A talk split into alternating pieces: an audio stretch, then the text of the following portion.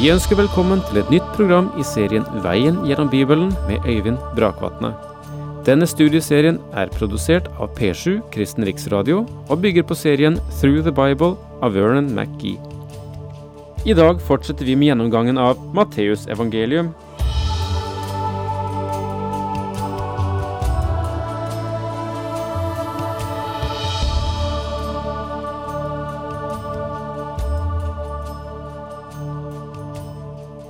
Ja, jeg beklager, kjære lyttere, at jeg ikke ble helt ferdig med Matteusevangeliets 28. kapittel sist. Um, der er så mye spennende egentlig å ta fatt i, så vi må jo komme til en slutt. Men jeg ville gjerne bare ta med dette 20. verset også, før vi avslutter Matteusevangeliet og går på neste skrift som skal behandles her i Veien gjennom Bibelen, og det er annen Mosebok. Altså, disiplene fikk eh, en ordre fra Jesus selv, en beskjed, om at de skulle gjøre alle folkeslag til disipler, idet dere døper dem til Faderens og Sønnen og Den hellige ånds navn. Og vi hadde en kort kommentar om dåpen i den treenige Guds navn.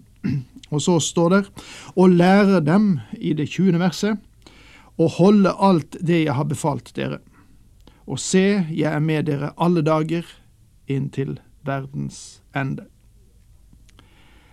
Legg merke til at undervisning er en del av den kristne menighets tjeneste. Du kan lese om det i Efesene 4, vers 11. Jesu undervisning finnes ikke bare i evangeliene, men også i brevene. Se for eksempel første Tessalonikerbrev, kapittel 4, vers 2. Se, jeg er med dere alle dager inn til verdens ende. Ordet verden er det greske aion, som betyr tidsalder. Herren lover å være med oss helt til tidenes ende. Og i Hans kraft kan misjonsbefalingen praktiseres og fullbyrdes. Når vi nå da har sett på den store misjonsbefalingen, så la oss da se hva Matteus har utelatt. Kan du se hva Matteus har tatt bort fra sin beretning? Det er ingen Kristi himmelfart her. Hvorfor? Den åpenbare årsak er at riket vil være her på jorden, og Matteus etterlater kongen her på jorden fordi det er her kongen skal være. Lukas 24, versene 49-53 og apostelgjerningene 1, vers 6-11 forteller om Kristi himmelfart. Når menighetens bortrykkelse kommer, vil Herren Jesus ta sine egne ut av verden for at de skal være med ham, og himmelfarten er vesentlig for den hendelsen. Men la oss ikke glemme at Matteus er evangeliet om kongen. Jesus var født som konge, han levde som en konge, han døde som konge, han sto opp igjen som konge, og, mine venner, han vil komme tilbake til denne jord som konge over alle konger og herre fremfor andre herrer. Og jeg håper at du vil bøye deg for ham i dag, for det er han som er herre, og ingen annen.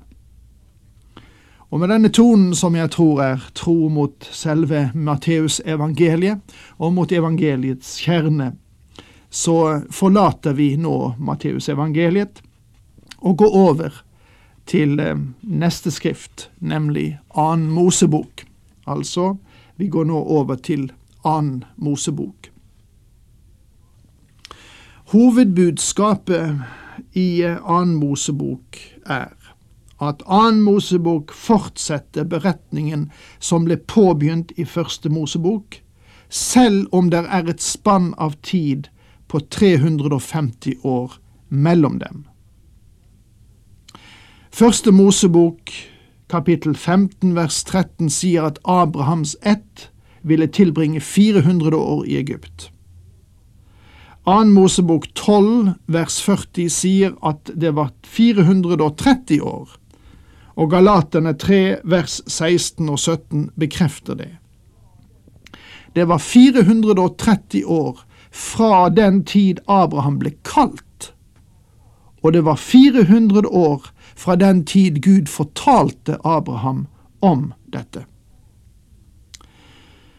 Annen Mosebok forteller historien om forløsning ved blod og kraft. Budskapet i Annen Mosebok er gjengitt i Hebreerne 11, vers 23-29, der det står slik. I tro var det foreldrene til Moses gjemte gutten i tre måneder da han ble født, for de så at det var et velskapt barn. De lot seg ikke skremme av kongens ordre. I tro nektet Moses, da han ble stor, å være en sønn av faraos datter. Han ville heller lide vondt sammen med Guds folk enn å leve en kort tid i syndig nytelse. Han holdt Kristi vanære for en større rikdom enn skatten i Egypt. Han så nemlig fram til lønnen som ventet ham. I tro forlot han Egypt uten å frykte for kongens vrede. Det var som om han så den usynlige, og derfor holdt han ut. I tro holdt han påske og strøk blodet på dørkarmene for at den ødeleggende engelen ikke skulle røre israelittenes førstefødte. I tro gikk de gjennom Rødehavet som over tørt land. Men da egypterne prøvde å gjøre det samme, druknet de. La oss knytte til noen kommentarer her. Annen Mosebok er blitt kalt et anheng til første Mosebok. Og den kjente fortolkeren Campbell Morgan han skrev i annen Mosebok ble intet påbegynt og intet avsluttet. Første Mosebok kapittel 46 vers 27 forteller oss at Jakob og hans familie, 70 mennesker, kom til Egypt. Det er av noen antydet at 2,1 millioner mennesker forlot Egypt ved den utgang som omtales i annen Mosebok. Selv om det er umulig å være helt sikre på tidene i denne første periode, så er det sannsynlig at Josef kom til Egypt under Hyksos eller hyrdekongene, som var semittiske erobrere, og var av samme ett som Abraham, Isak og Jakob. Det er faktisk slik at israelittene kan ha vært deres eneste venner fordi de var hatet av egypterne.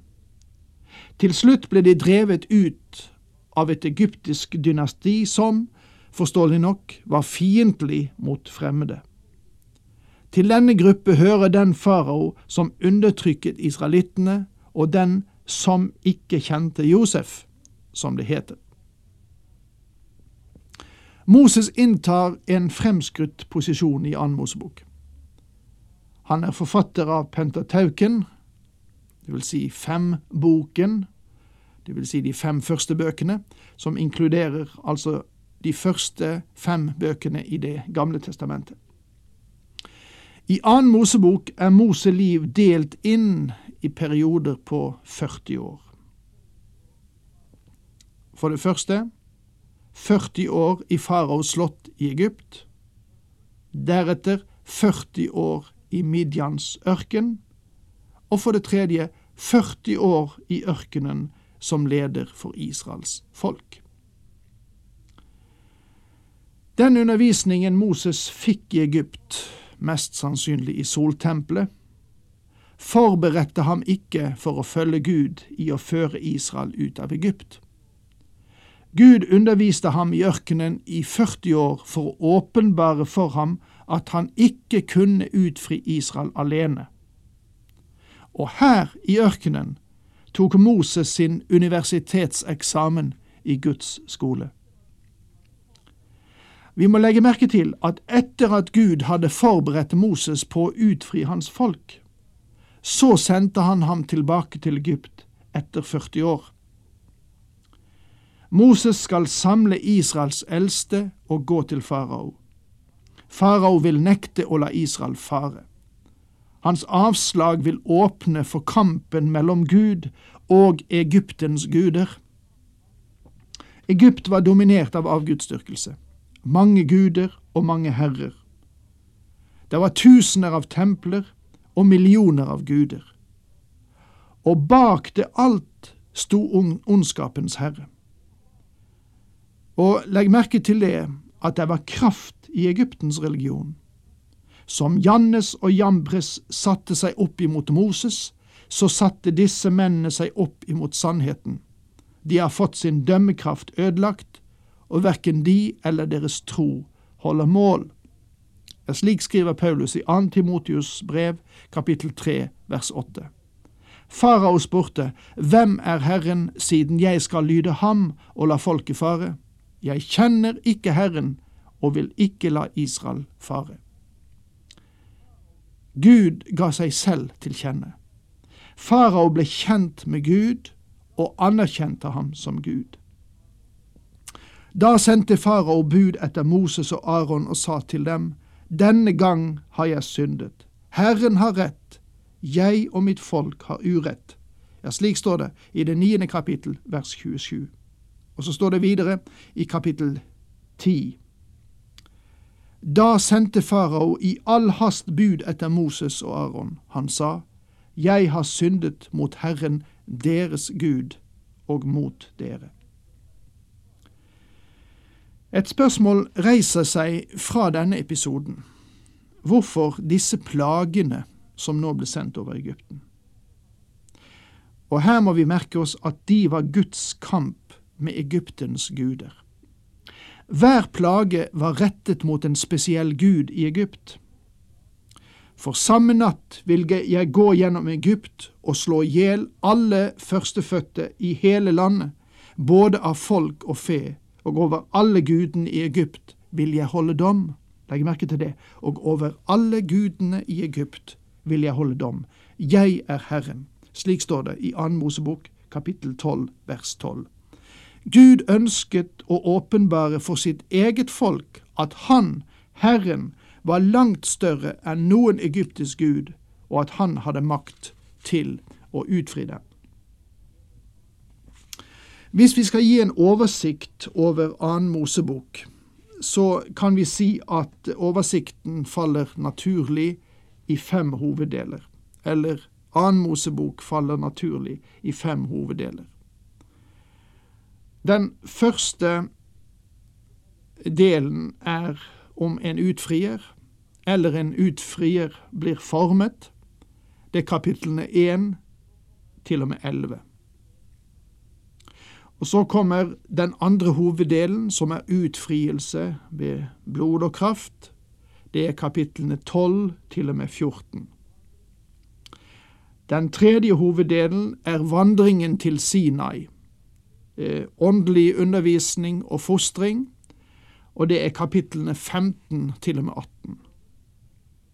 Fjerde del, det er loven, fordømmelse, og det er kapitlene 19 til 24.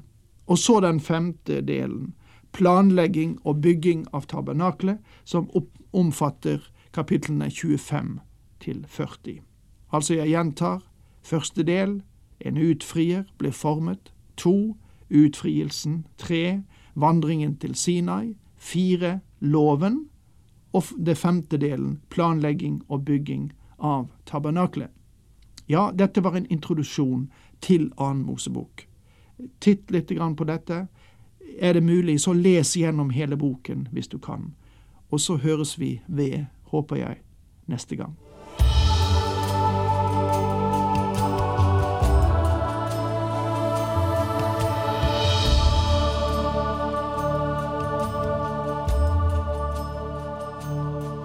Du hørte Øyvind Brakvatne i studieserien Veien gjennom Bibelen. Serien bygger på et manus av Vern McGee.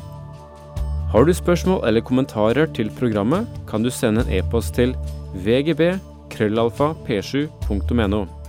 Takk for i dag, og på gjenhør.